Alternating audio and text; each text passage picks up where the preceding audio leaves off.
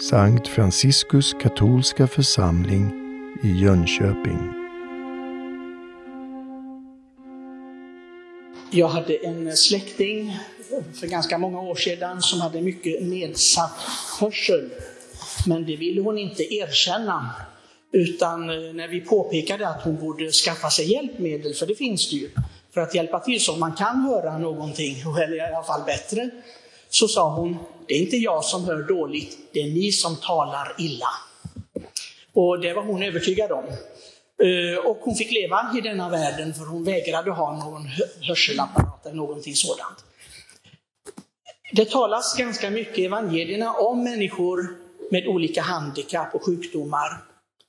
Och eh, de apostoliska fäderna, det är de alltså biskoparna som följde på apostlarna, som hade direkt undervisning från apostlarna vad evangeliet och budskapet handlade om.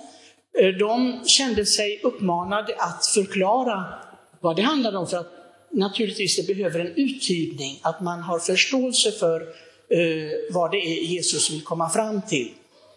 Och en av de sakerna som de påpekade, dessa apostoliska fäder, det var att Jesus egentligen inte intresserade sig för fysiska handikapp. Utan det handlade om att han botar de svårare handikapp som finns, och det är de som finns där inne. De sjukdomar som är i själen.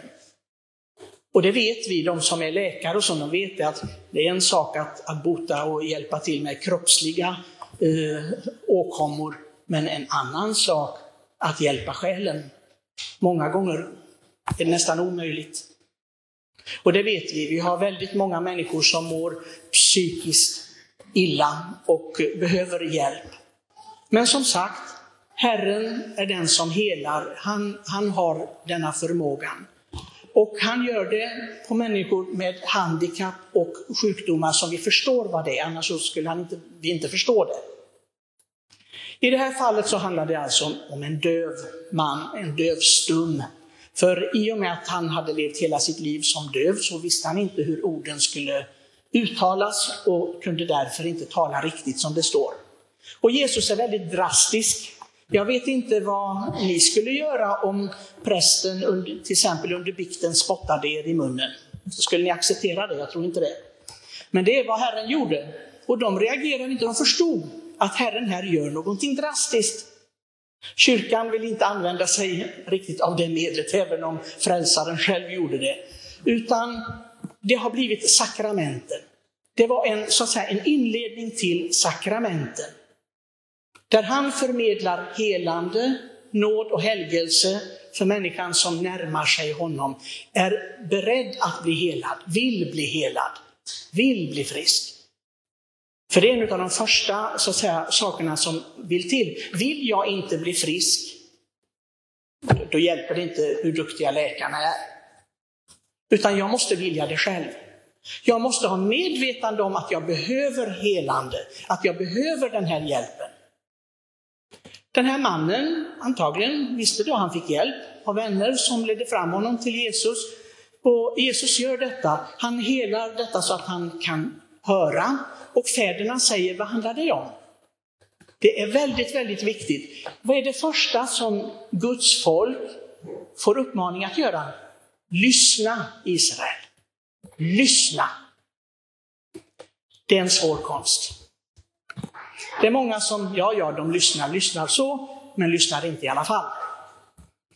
Och det var en, eh, när jag hade predikat om det en gång så kom det en gift man i församlingen fram till mig. Det har jag erfarenhet av.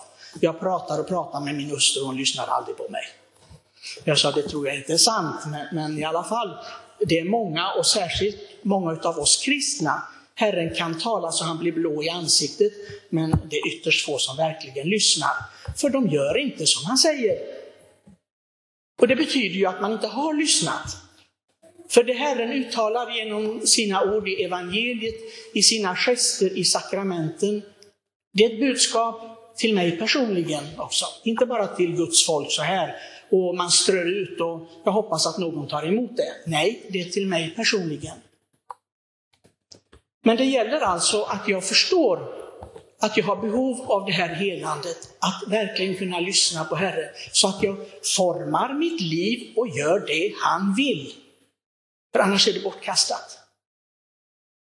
Och då får vi förmågan, när vi börjar lyssna på Herren får vi också förmågan att tala riktigt. Och de apostoliska fäderna säger att den som talar riktigt, ja det är inte den som talar tydligt. Utan det är den som kan förkunna Herrens gärningar, den som kan vittna om Herren på ett rätt sätt, därför att man har blivit botad. Och då börjar man tala riktigt. De andra sjukdomar och handikapp som det talas om, det är till exempel eh, eh, den lame mannen. Det vet vi vad det är för någonting, för fäderna säger att den lame mannen, det är en människa som inte kan gå riktigt på Guds vägar. Antingen haltar man eller också är man helt lam. Man inte alls går Guds vägar. Man går sin egen väg, men inte på Guds vägar. Så som Gud vill att vi ska vandra genom livet. Och det är att halta eller vara lam. Men vi ser här att många av de här fallen, det var inte den sjuke själv som kom fram, utan det var tvunget att vara andra, de kompisarna som hjälpte till. Vännerna hjälpte till. I det fallet med den lame mannen så var det fyra kompisar som bar honom upp på taket där Jesus befann sig, för det var så mycket folk.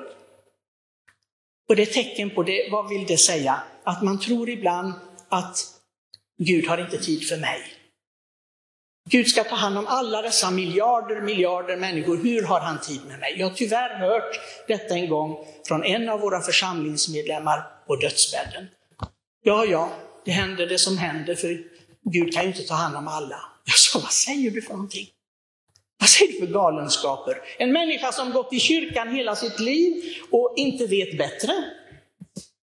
Han var övertygad om hur kan Gud ta hand om alla? Det är klart att jag ligger och dör nu i den här sjukdomen. Så. Men evangeliet så, så, även om det var fullt med folk runt Jesus, så uppmärksammade han den som kom till honom. Den som verkligen hade behov, den som ville komma till honom. Och de här fyra kompisarna, de hissar ner den lame och Jesus botar honom. Vad vill det säga?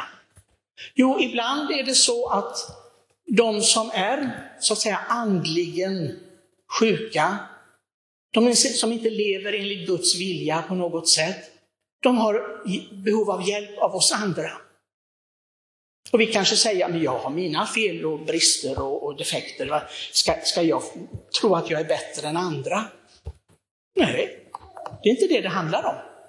Det handlar om att jag har kärlek i mitt hjärta. När jag ser en människa som lever i synd till exempel, och det är ju allvarliga saker. Oftast är det ju så att vi, vi ser det tydligt i andra människor, men vi ser det inte i vårt eget. Det är vi alla nästan experter på det. Så det är en förmåga vi har att se synd och brister i andra människor. Så låt oss använda den förmågan då. Låt oss göra som de fyra killarna som bär fram till Jesus den som har behov genom vår förbön. Och där visas också om vi verkligen har en kristen tro eller inte. För ibland säger ja, men vad hjälper det att jag ber? Jag, jag är väl ingen speciellt, liksom, om jag ber till Gud om att, att, att han ska omvända sig eller hon ska omvända sig, det, det, vad, vad gör det för skillnad? Om det är hela församlingen som ber eller om det är en helig människa. Men att jag, lilla jag, ska be om detta, har det någon betydelse? Bevisa att du har tro. Herren har sagt be och ni ska få. Han säger det inte till gruppen, han säger det inte till härskarorna, till, till han säger det till dig. Han säger till mig. Om jag verkligen har kärlek och ber för en människa, att den människan ska få helande i sitt liv. Jag har sett det, jag har prov på det, jag kan inte räkna upp det för att jag vill inte visa någonting, men, men jag vet att det är så. Så jag behöver inte längre tro nästan, för jag, jag har sett det nämligen i mitt liv. När jag har bett för en människa att det ska bli ett helande, det har blivit helande. Men sen beror det naturligtvis på, på den jag ber för också. Den, den personen måste vilja det. Vill inte den personen bli helad, då hjälper ingenting i hela världen. Men vi måste, vi får inte ge upp.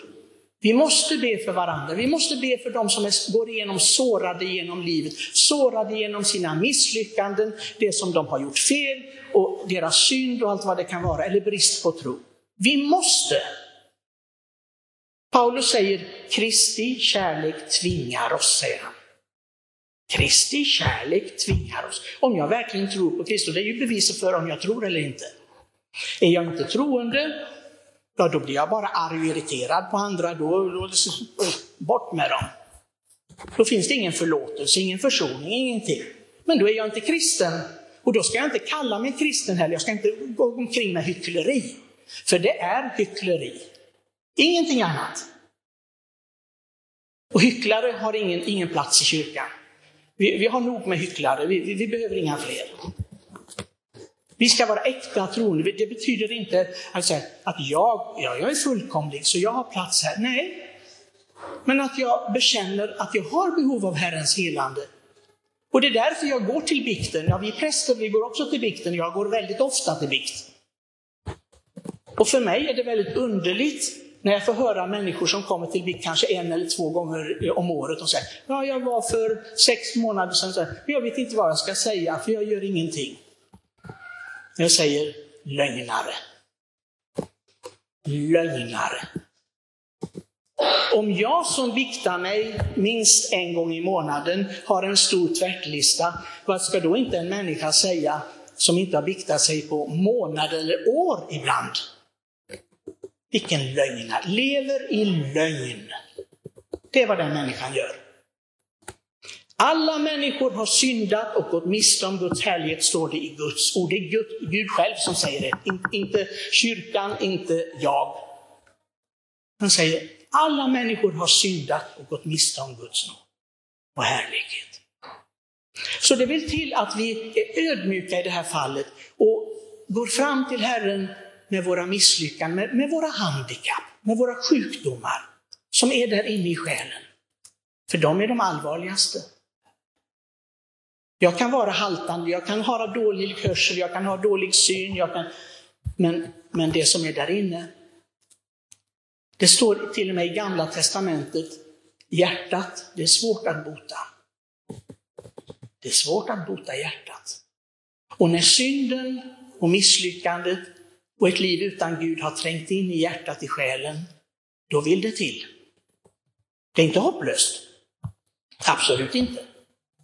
För Herren helar oss alla, den som vill bli helad. Men låt oss inte bara tänka på oss själva, för det det handlar om, och ni hörde aposteln Jakob i andra brevet här som, som var arg på församlingen. Han var arg därför att de gjorde åtskillnad på människor. De är bättre, de är sämre. De vi tycker är någonting, de vi tycker bara är skräp. Han var arg. Han sa det, vad är, det, vad är detta för någonting? Vet ni inte att de som älskar Gud, oavsett hur vi ser på dem, de är destinerade, de ska komma till Guds rike. De som älskar Gud, det vill säga de som kämpar för att komma in genom den smala porten. Det är de som himmelriket tillhör. Sen spelar det ingen roll hur ni ser på dem, säger aposteln. Gud struntar i hur ni ser på andra människor. Det gäller inte för honom, för det är bara han som dömer. Det är bara han som ser in i själen och hjärtat, inte ni. Ni ska inte tro att ni är någonting, säger aposteln Jakob här. Så försök vara ödmjuka. Och tyvärr finns det ju ofta sådant i kristna församlingar som man får skämmas. Människor som är väldigt snabba att döma andra människor. Sjuka människor, det är verkligen sjukt. Jag har ingen rätt att döma någon, inte ens som präst har jag rätt att döma någon. Jag har rätt att tillrättavisa, ja, att hjälpa till så människan går på rätt väg, men aldrig att döma någon. Aldrig. Jag ska inte tro att jag är Gud, för jag är inte Gud. Det är bara han som gör det och han vill hela oss alla. Oavsett vad vi har gjort i denna värld, hur misslyckat vi än tycker att vårt liv eller andras liv är, han helar. Det finns ingen som älskar oss som han. Låt oss aldrig glömma det. Hans kärlek är oändlig för var och en av oss. Amen.